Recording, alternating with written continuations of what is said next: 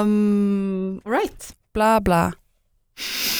Bara kolla att det blir sådana där Är det, vågor. är, det, är det det vi ska säga i den här podden? Bla bla bla bla bla bla bla. Mm. Vet du att jag eh, har en, en specialitet, jag har några specialiteter, men en av dem är, ja men vänta, vänta, för en, uh, så kan det. Um, nej, så var tack för den sen. Va? Eh, Jag har en specialitet som är att jag eh, kan prata gibberish på ett väldigt bra sätt. Det kan Och du det här- verkligen, gud alltså jag trodde jag var knäpp. Jag hörde verkligen inte vad du sa. Eh, vet du vad min andra specialitet är? Nej. Det är att jag kan dricka varma drycker och äta varm mat jättesnabbt. Har du någon teknik för det? Jag tror att min eh, hud i munnen är typ extra tjock. Du har så här läderhud. Radio play. Nu ska jag berätta en saga för er barn. Men skyll dig själv om du aldrig lärde dig vara själv. Hur går det med Skype-sexet? Det är liksom en art. Ehm, I fredags så satt jag med Kimberly i hennes ateljé vid Slussen eh, och jobbade med Nuda. Eh, jag kommer ihåg att Kim höll på och testade mellan olika färger på några sidor. Eh, och jag åt lite kladdkaka som jag hade haft med mig och eh, slöskrollade lite i, ja, på Instagram och Facebook som man gör. Och helt plötsligt så, så började det dyka upp eh, statusar i Facebookflödet, någonting om en lastbil eh, som hade kört in på Drottninggatan. Då skriver jag direkt till i en gruppchatt som jag med kompisar och, och säger att jag har sett det här, det är så himla sjukt, vart är ni typ? Eh, skriver till Andreas, skriver till mamma eh, och sen bara exploderar det i, i mobilen. Ja, Av- inte, inte rent fysiskt. Nej, eh, men det här var attacken inte hörde om, min mobil exploderade. Nej, men ja, precis, det exploderade inne i mobilen av uppmaningar och rykten och ehm, först och främst när jag, när jag läste om det här med lastbilen och det var så himla sjukt att det gick så himla fort. Jag har kollat i efterhand när jag skrev när jag skrev i, i den gruppchatten till kompisarna och det var sju minuter över 15.07. Eh, det är liksom bara minuter efter det har hänt som, som eh, man fick reda på det via Mm. sociala medier. Men jag och eh, Kimberly bara satt där och stirrade på varandra och började så frenetiskt uppdatera mellan alla olika nyhetssajter. Man gick in Mm. på Expressen och uppdaterade, man gick in på SVT man uppdaterade, man gick in på Aftonbladet man uppdaterade och så roterade man runt, runt, runt i väntan på liksom men, eh, och veta vad som hade hänt, alltså sanningar, liksom bekräftad information. Mm. För För det som hände väldigt fort var ju också att det kom spekulationer. ja, Och som, som media plockade upp också lite väl fort. Ja Ehm. för, för då satt vi där vid Slussen och, ehm, och då försöker man ju skapa sig en bild av att, okej men är det här är det här en isolerad händelse som, som då har varit i, i flera tidigare europeiska städer, att det bara är en, en bil som mejar in i, i, folket och så är det över liksom? Eller, Inte för att det är så bara, men ja, jag Nej, förstår inte, vad du menar. inte bara, men då, där och då så pratar, tänker man ju så här, hmm, sitter vi bra där vi sitter? Ska vi flytta på oss? Eh, Ja, var, var, på vilka platser befinner sig personer jag bryr mig om? Ehm, och eh, vi höll oss liksom väldigt lugna och, och i, i allting och man försökte liksom inte spinna iväg. Men det är samtidigt svårt, det var så himla svårt att, att sålla mellan vad som var sant och inte. När man fick de här uppdateringarna om att skottlossning vid Fridhemsplan, skottlossning vid Grand Hotel, skottlossning i Östermalm, skottlossning Solna, Mm. vid, alltså vid Globen. Det var, Ja. liksom, det var så mycket olika, eh, olika attacker folk skrev om och som även tidningarna plockade upp. Om jag då sitter vid Slussen får höra från ett håll att jag absolut inte får åka, liksom, åka till innerstan, jag får inte, ska inte gå ner i tunnelbanan samtidigt som jag hör om skottlossningar vid Odenplan där jag bor och det jag vet att Andreas är på väg till systemet. Det är eh, jobbigt. Mm. Ja, jag får faktiskt um, hjärtklappning av att prata om det bara. Um, för jag, jag satt på ett fik med en kompis här och, och jobbade den eftermiddagen och eh, fick min så här uppdatering på Omni att det hade skett och började direkt höra av mig till folk Um, och jag satt ju väldigt tryggt på min stol på kaféet. Um, men det som var så sjukt var ju att min pojkvän och flera av mina vänner jobbar, alltså hundra, ett par hundra meter från Åhléns. Och um, låste in sig i olika källarutrymmen och, och förråd och sånt där. Eh, och det var otroligt jävla obehagligt att eh, smsa med dem när de hade låst in sig. Mm. För att det var ju också, man, har ju, man hade ju ingen aning alls. Det, det var ju så här, okej nu kan det explodera, nu kan vad som helst ske. Och det var så jävla obehagligt och, och vidrigt att behöva ha de här sms-konversationerna som liksom var, jag älskar dig, sms för att man inte visste. Mm. Att ens behöva liksom så här, alltså man börjar smsa typ hela sin familj, alla kompisar, jag är okej, var är du, mår du bra, åk inte till city. Alltså, det är Mm. väldigt, ehm, eh, väldigt absurt att ha det och, och så här i efterhand så kan ju alltså, de här reaktion, alltså mångas reaktioner verka överdrivna. Och jag har sett väldigt mycket på sociala medier och folk har på något sätt nästan ja, men raljerat över ehm, människors oro, och sorg och rädsla eh, Mm. den här dagen. Jag tycker det här, jag märker ju direkt att jag själv är bröstet när jag pratar om det här och så här får hjärtklappning och trycker över bröstet typ. Ehm, Mm. och det var också en så eh, speciell känsla för att efteråt när det hade lugnat sig lite och, och sen många av mina vänner och pojkvänner och så där hade kunnat röra sig hemåt eller i alla fall röra sig till typ andra vänner och så. Mm. Och så här satt sig i olika lägenheter och, och, och tog det lugnt tillsammans liksom. Det var ju väldigt mycket så att folk samlades och bara eh, tog det lugnt. Så gick jag runt här på gatorna eh, själv och hade ingen att krama och hade ingen att ehm, prata med riktigt. Mm. Ehm, för de vänner som jag också har här var så här, vi ska ut och festa typ. Och det Mm. var ju absolut inte vad jag var sugen på. Mm. Så att jag bara, och det här är inte på något sätt något, eh, ett sätt för mig att här, tycka synd om mig själv i det hela, för att jag fattar också att, att är man i Stockholm så är man eh, så påverkad. Men det var väldigt eh, Ja, speciellt men gud, att få alltså, jag hantera det att här. det är, Jag tycker inte att du ska eh, be om ursäkt om det. Jag tycker att alla har rätt till sin egen Alltså alla Ja. kommer ha sin personlig berättelse om hur man upplevde det här och, och hur rädd man blev eller vart man var eller vilka man var med och hur man Mm. kände och jag tycker att alla ska ha helt rätt till sin liksom, upplevelse. Så jag tycker Ja. att du får vara hur rädd du vill även om du är på andra sidan jorden. Mm. Ja, jag märkte efter också att dels så är jag mycket mer så här om någon säger någonting eh, som jag blir ledsen för eller, eller rörd av så börjar jag gråta direkt. Eller Mm. typ så här om grannarna smäller i dörren så hoppar jag till. Jag är så liksom skör i det här. Mm. Ehm, och det är vad folk lever med varje dag. Och det är så himla mm, främmande liksom att hantera. Mm. Mm. Det är så himla, alltså för den här platsen, eller så här, Drottninggatan, TC, Åhléns, alltså det är ju ett helvete. Mm. Men oavsett hur sugig den är så är man ju där hela tiden. Alltså det går ju inte många dagar utan att man passerar där. Nej. Alltså det är en plats man har väldigt mycket en relation till, alltså det är en, det är en hat, hat eh, kärlek, men man är ju där hela tiden. Ja det känns så otroligt märkligt. Mm. Eller så otroligt läskigt.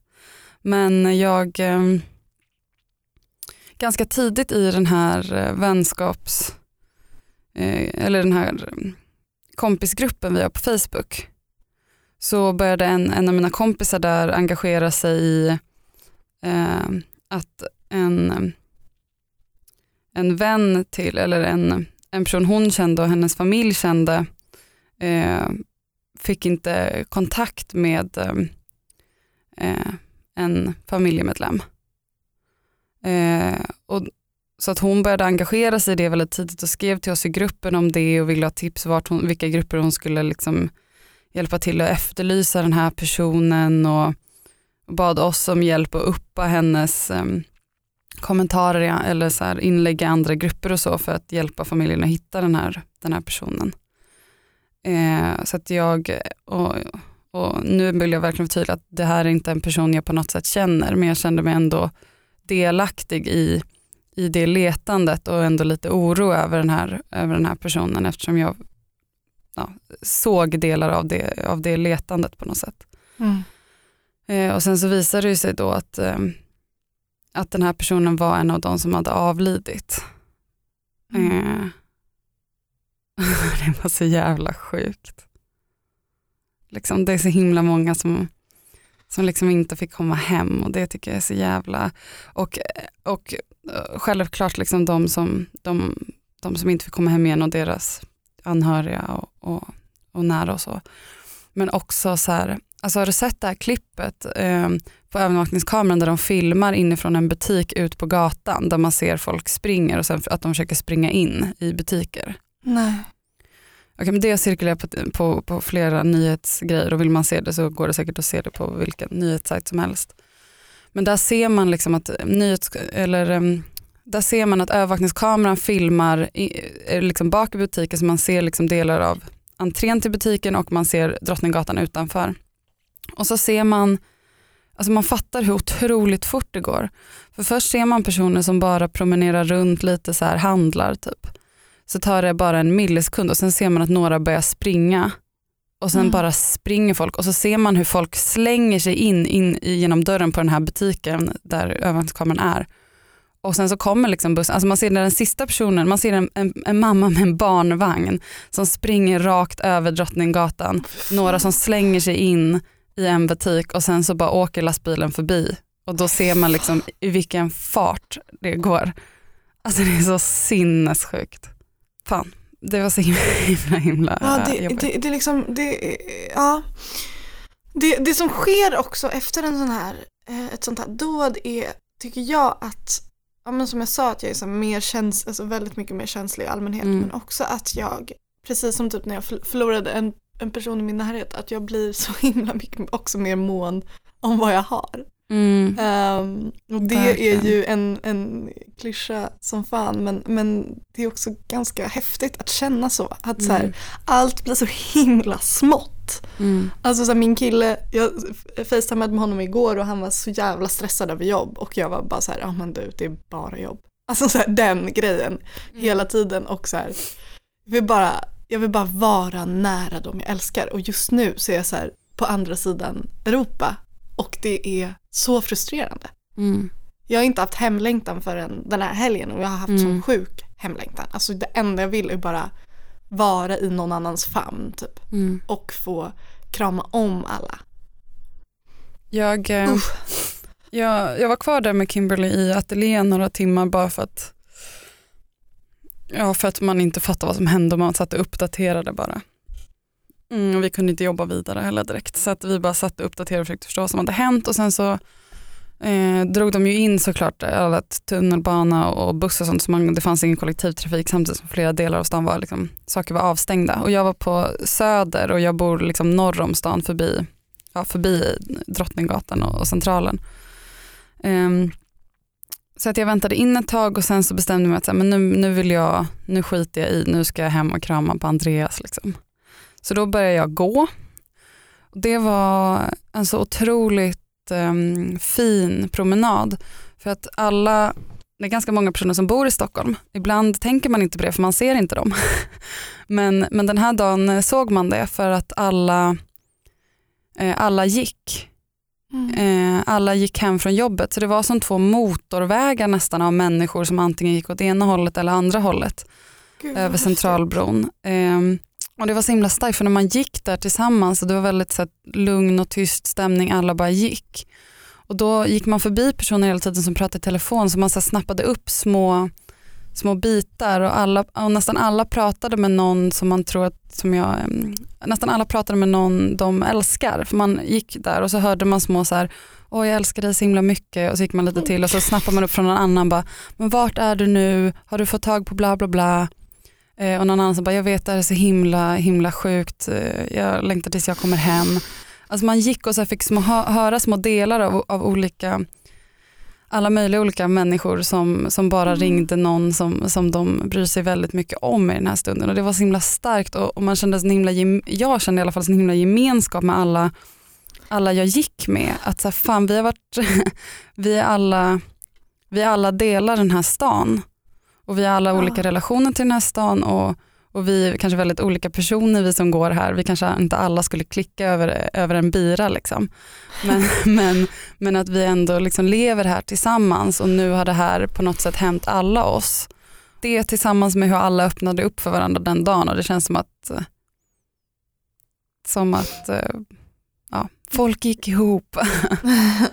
ja, men så var det ju verkligen. Man känner sig väldigt upp, alltså rörd över så här, engagemanget i Stockholm och hur folk erbjöd varandra skjuts och öppnade upp sina hem och sådär för folk som inte kunde komma hem och har donerat pengar mm. och så här, blod och allt sånt där. Det är ju otroligt fint. Jag blir bara rädd för att så här, man, ska, man ska bara se allt det här vackra, fina, gemenskapen i sociala medier för att det ska vara samma liksom, algoritm som under, under USAs presidentval. Att man bara ser alla så här pro-Hillary-klipp eh, och mm. inte ser pro-Trump-klippen typ. Jo men det är en del uh, mörka grejer som pågår också. Jo så är det ju. Uh, och det, är ju bara så liksom att um, högerpopulistiska partier kommer utnyttja den här rädslan. Mm. Och eh, jag tror bara att här, det är viktigare än någonsin att vi är så aktiva antirasister nu och eh, inte bibehåller god stämning, eh, säger ifrån, eh, lyfter varandra och verkligen jobbar mer, mer aktivt. Engagerar sig volontärt, skänka pengar, donera blod, whatever liksom. Mm. Vi kan inte bara vi kan bara inte sitta still nu känner jag. Eh, ja men det var väldigt jobbigt att vara här i, i Lissabon själv den här helgen och det var egentligen första helgen som jag upplevde att det har varit jobbigt. För nu har jag varit här i en månad. Eh, och för den som inte vet det så är jag i Lissabon för att dels för att jag frilansar och försöker utnyttja det att jag kan liksom vara i andra länder och uppleva andra länder. Eh, men också för att jag behöver skrivrov för att skriva min andra bok, vilket jag får här. Mm. Um, men det är väldigt speciellt det här med att resa själv på det här sättet. Uh, två månader är ju kort egentligen, det går ju väldigt fort, speciellt när man är hemma går två månader väldigt fort. Um, men att ha varje dag, varje dag finns möjligheten för mig att göra precis vad jag vill. Mm. Det är en väldigt speciell känsla. Att jag vaknar upp på morgonen och bara okej, okay, nu har jag si så många timmar tills jag kommer gå och lägga mig. Och jag kan välja att inte träffa någon den här dagen. Jag har liksom inga möten, jag har ingenting. Alltså jag älskar att vara ensam. Vissa människor gillar ju inte att vara ensamma. Nej. Uh, för, för så var det ju när jag uh, förra gången bodde några månader själv i, i USA, att jag uh, lärde mig hur jag liksom ska hantera mig själv i min ensamhet.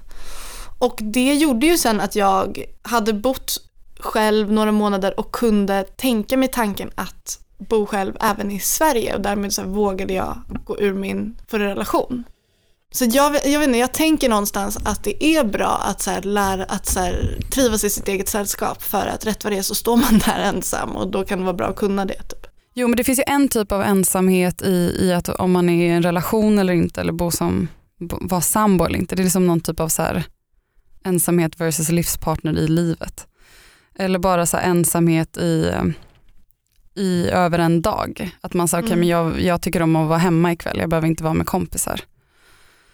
Um, och jag har nog väldigt mycket behov av, av egen tid i att jag tycker väldigt mycket om att vara själv mycket. Alltså jag är själv väldigt, väldigt mycket.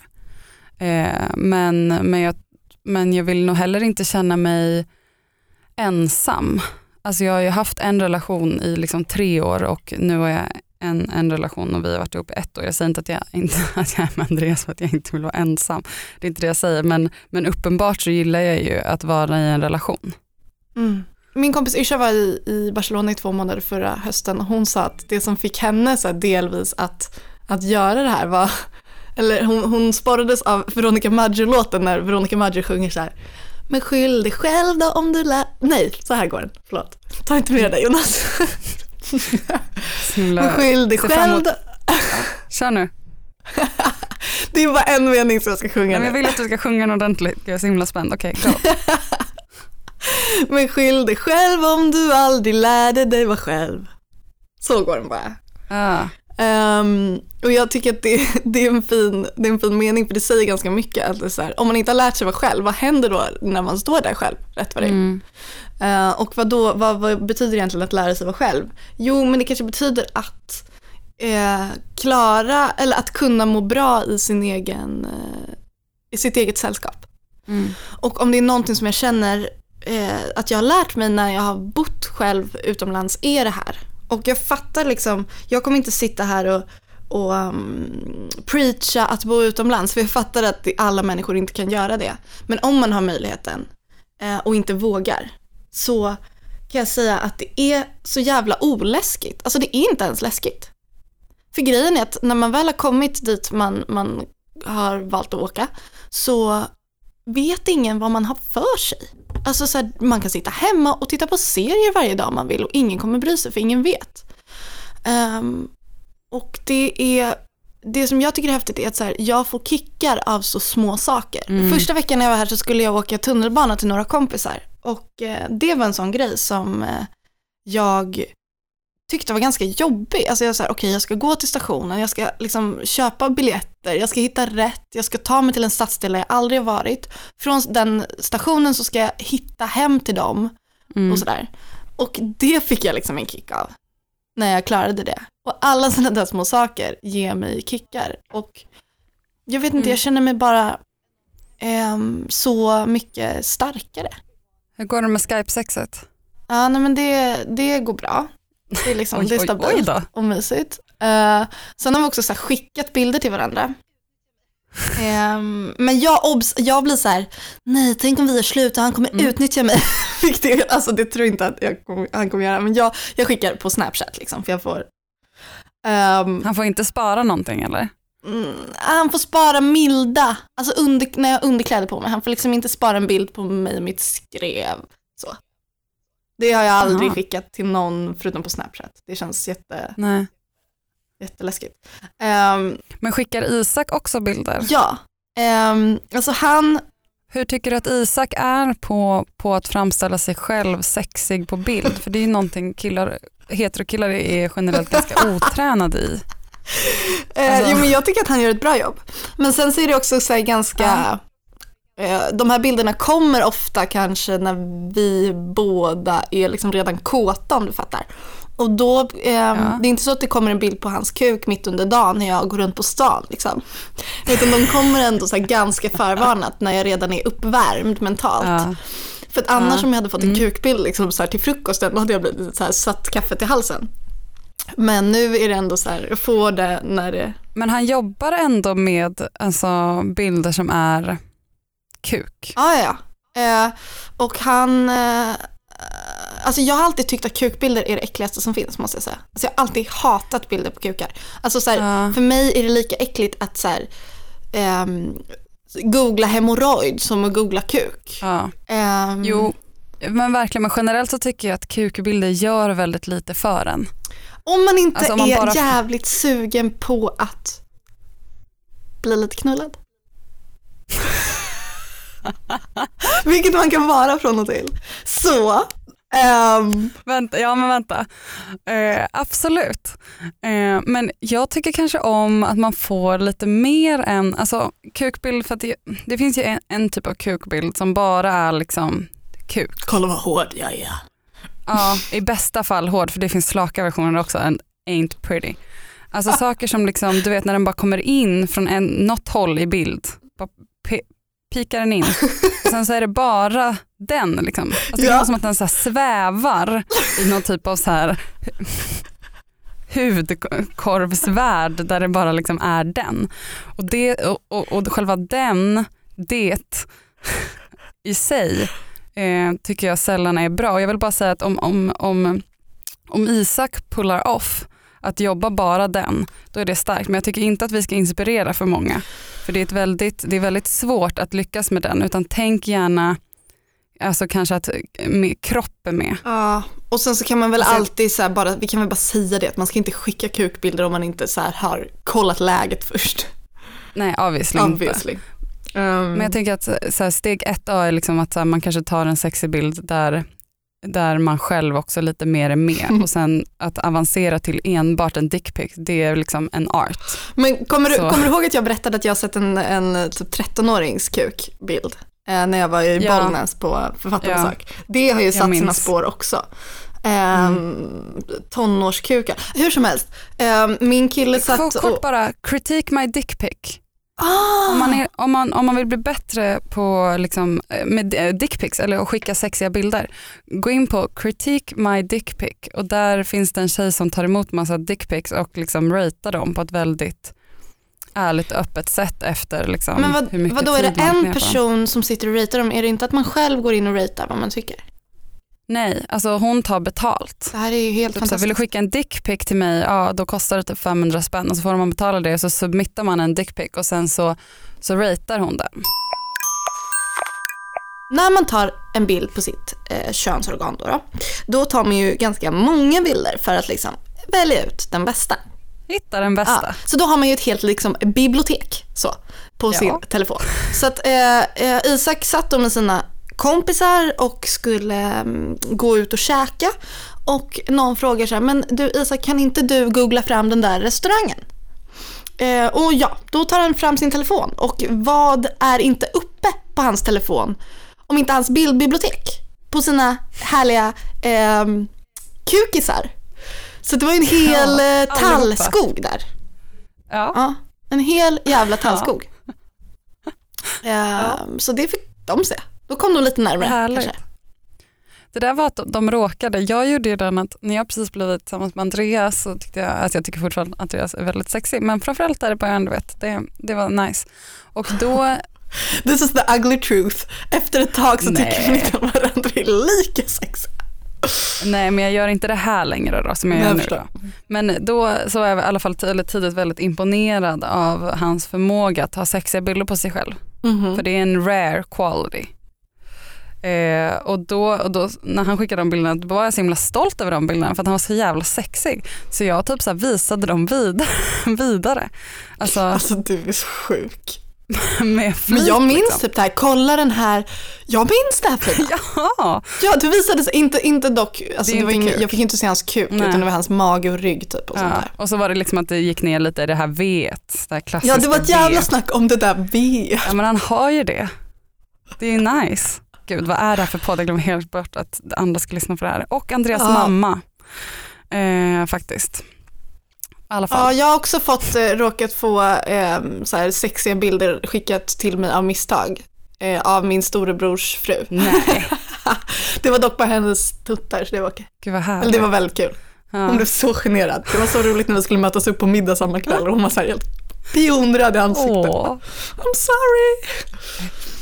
Eh, Eh, jag, jag snackade med min eh, kompis Daniel eh, för några veckor sedan. Och då så, ehm, från en sak till en annan, ja, hoppa på. så ehm, berättade han att han jobbar på Söder. Och ganska ofta så går han runt där på Söder och ehm, Ja men ganska ofta går han runt där på Söder. Vad får man göra runt? Nej men han, han, han går till jobbet samma sträcka varje dag och väldigt ofta så ser han eh, Dr. Alban. Kommer du ihåg Dr. Alban? Vagt. Med på som någon Hits for Kids skiva kanske. Ja men det är också den här Sing halleluja! Du är väldigt eh, sångpeppad. Ja, det är väldigt gulligt i alla fall för Dr. Alban har alltid på sig samma hoodie när han går runt. Jaha. Eh, och på hans hoodie så står det Dr. Alban på väg. Shit vad kaxigt. så jävla gulligt. Att ha en tröja där man pratar om sig själv och liksom... Och han går också alltid någonstans och då undrar jag var är Dr. Alban på väg? Vart är vi på väg? Ja.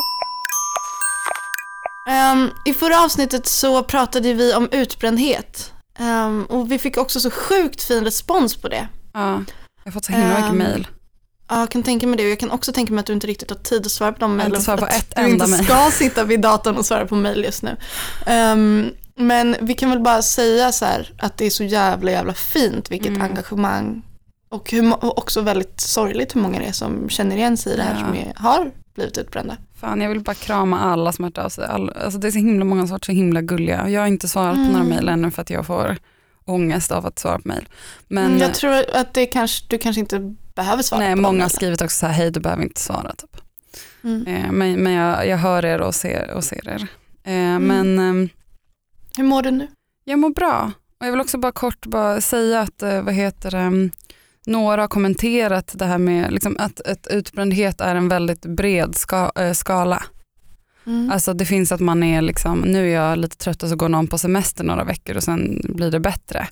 Och sen Mm. finns det ju de som går så långt i sin utbrändhet att, att man aldrig mer kommer tillbaka eller det tar flera år och man kan liksom inte ens resa sig ur sängen på morgonen för att det fysiskt inte går.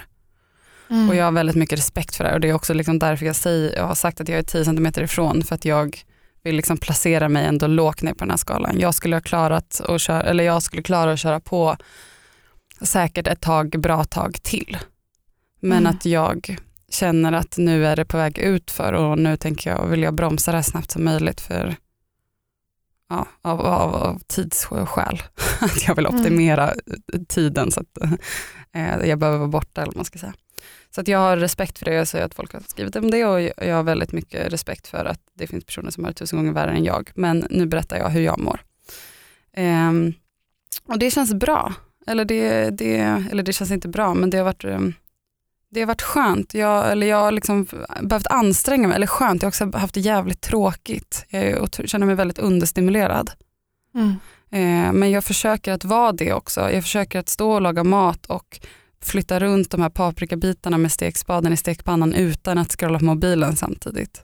Mm. Jag försöker liksom att göra, eh, nu är det inte att jag nödvändigtvis enbart har ett så här mobilmissbruk, även om jag garanterat har det, men, men jag försöker att liksom inte knarka min hjärna med massa intryck hela tiden. Det är ju, alltså, att bryta sådana vanor är ju skitsvårt. Mm. Och att, att tillåta sig själv att vara understimulerad eller uttråkad eller rastlös, alltså det är ju fruktansvärt när man inte är van att känna så. Mm. Så, så svaret är, jag mår, eh, mår helt okej och eh, är uttråkad. Har du någon uppfattning om liksom vad som, hur, hur din närmsta framtid kommer se ut? Eh, ja, eller lite. Eller är det en så här jobbig fråga att ställa? Jag vet inte riktigt. Alltså jag, vi skickade nuda till tryck igår, måndag. Det! Mm, tack. Fy fan vad fett! Ja. Gud vad skönt. Ja, jag har gjort ett Jävlar. andra nummer av en tidning som heter Nuda och den skickar vi till tryck och det är så jävla skönt. Alltså när vi skickar den till tryck, alltså det känns som att jag har gått i pension. Det är verkligen Mm. så bye bye, jag är klar nu, hej då, mic drop, Mm. bye. Alltså, Ja, men jag inser nu att, så här, att ställa frågan vad, vad kommer hända den närmsta framtiden är motsatsen till vad du behöver. ja, alltså det fråga. bara snurrar i huvudet. Men, men jag har ju lite saker jag behöver göra klart och det är ju att Nuda skickades ut till tryck och den kommer komma tillbaka från tryck vilket betyder att jag kommer ha lite med den och, och kanske se till att det är någon person som vill köpa den och så att jag inte står med alla tidningar kvar hemma typ. Ja, alltså min fråga handlade inte om jobb. Utan min fråga handlade mer om typ så här, vad ska, ska du typ så här, Ah, kommer du vara i Stockholm? Så, du kommer du åka iväg? Ska du gå? så, okej. Nej. ja. jag menar typ så här, kommer du gå i, och Ah, prata ja, okej, med någon? Jo, Alltså, jag eh, väntar ju på, på tid på, på där jag ska få en samtalskontakt och så får vi se hur det går vidare där. Jag har haft flera som har mejlat om antideppen, jag har inte börjat ta någon antidepp, vi får se hur det var som hände där. Eh, och ska vi helt ärligt så vet jag inte bara. Jag ska försaka Nej, att bra. göra så lite som möjligt, så får vi se. Hur mår du? Jag mår eh, bra under omständigheterna. Mm.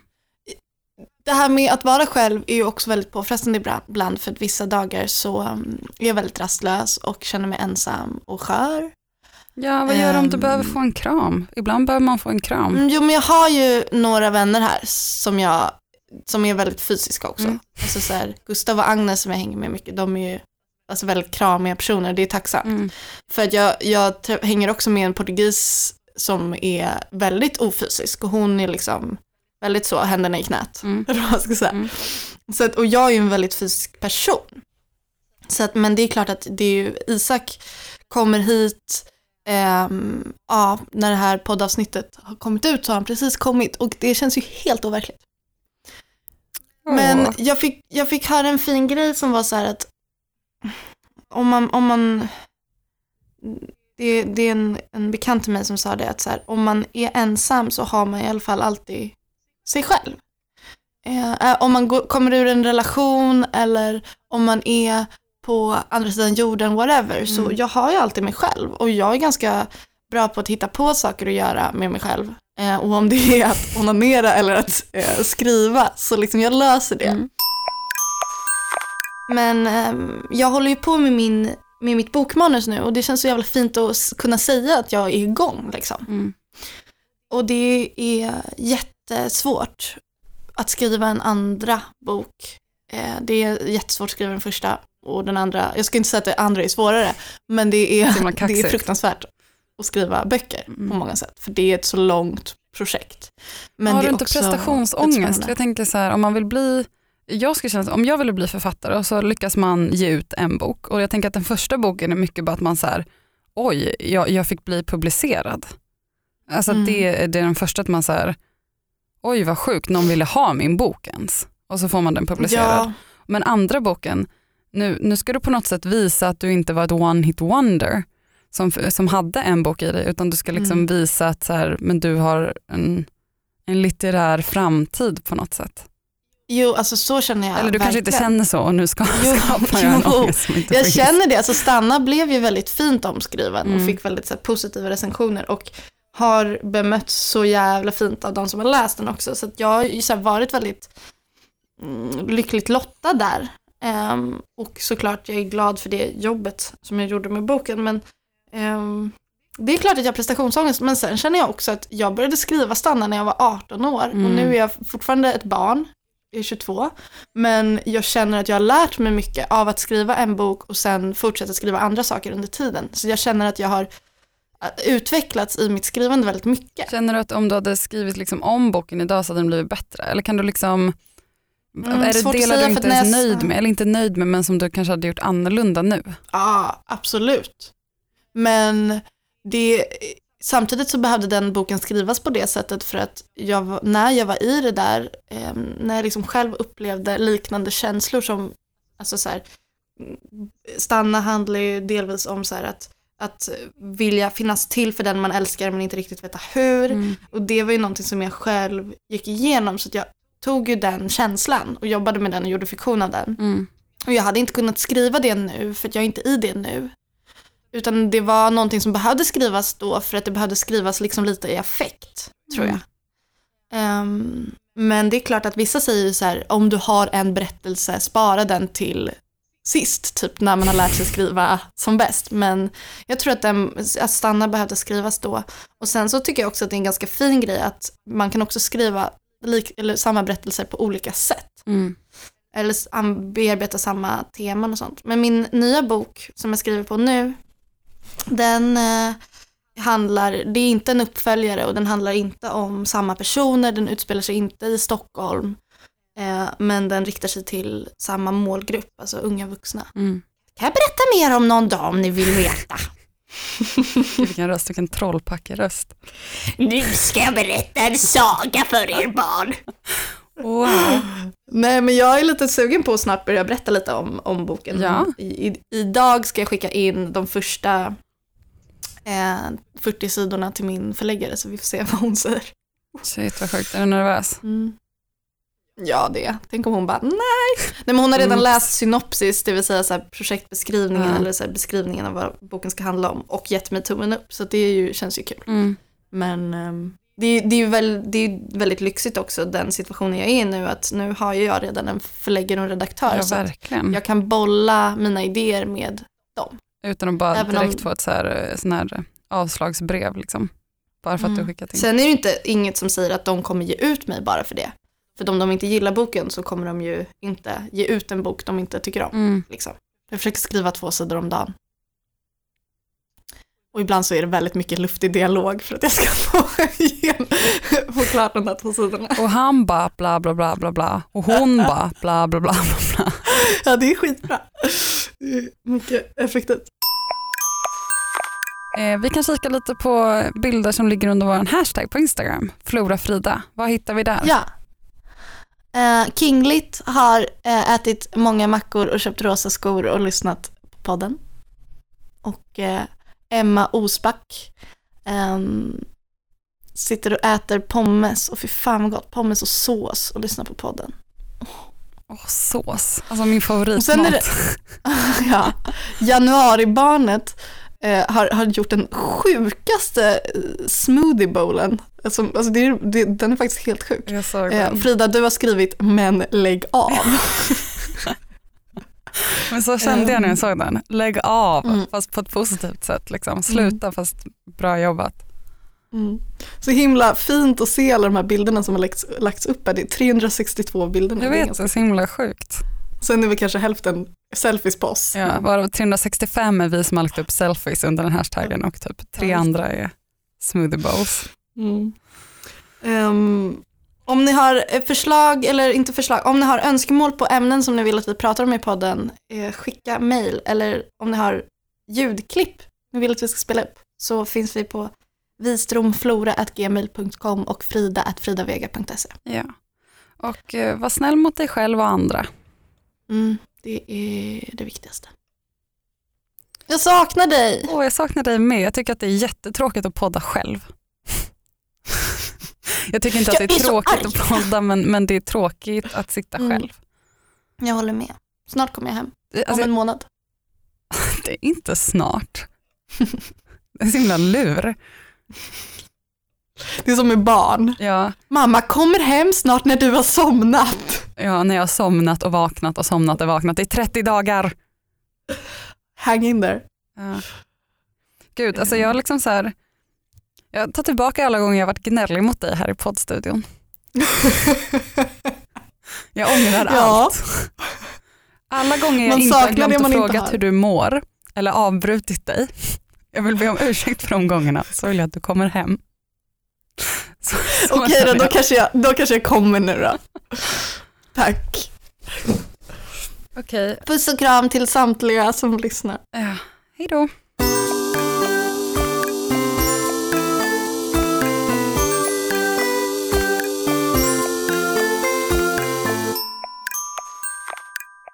Ny säsong av Robinson på TV4 Play. Hetta, storm, hunger. Det har hela tiden varit en kamp. Nu är det blod och tårar. liksom. Fan händer just nu. Det. är Detta är inte okej. Robinson 2024, nu fucking kör vi! Streama söndag på TV4 Play.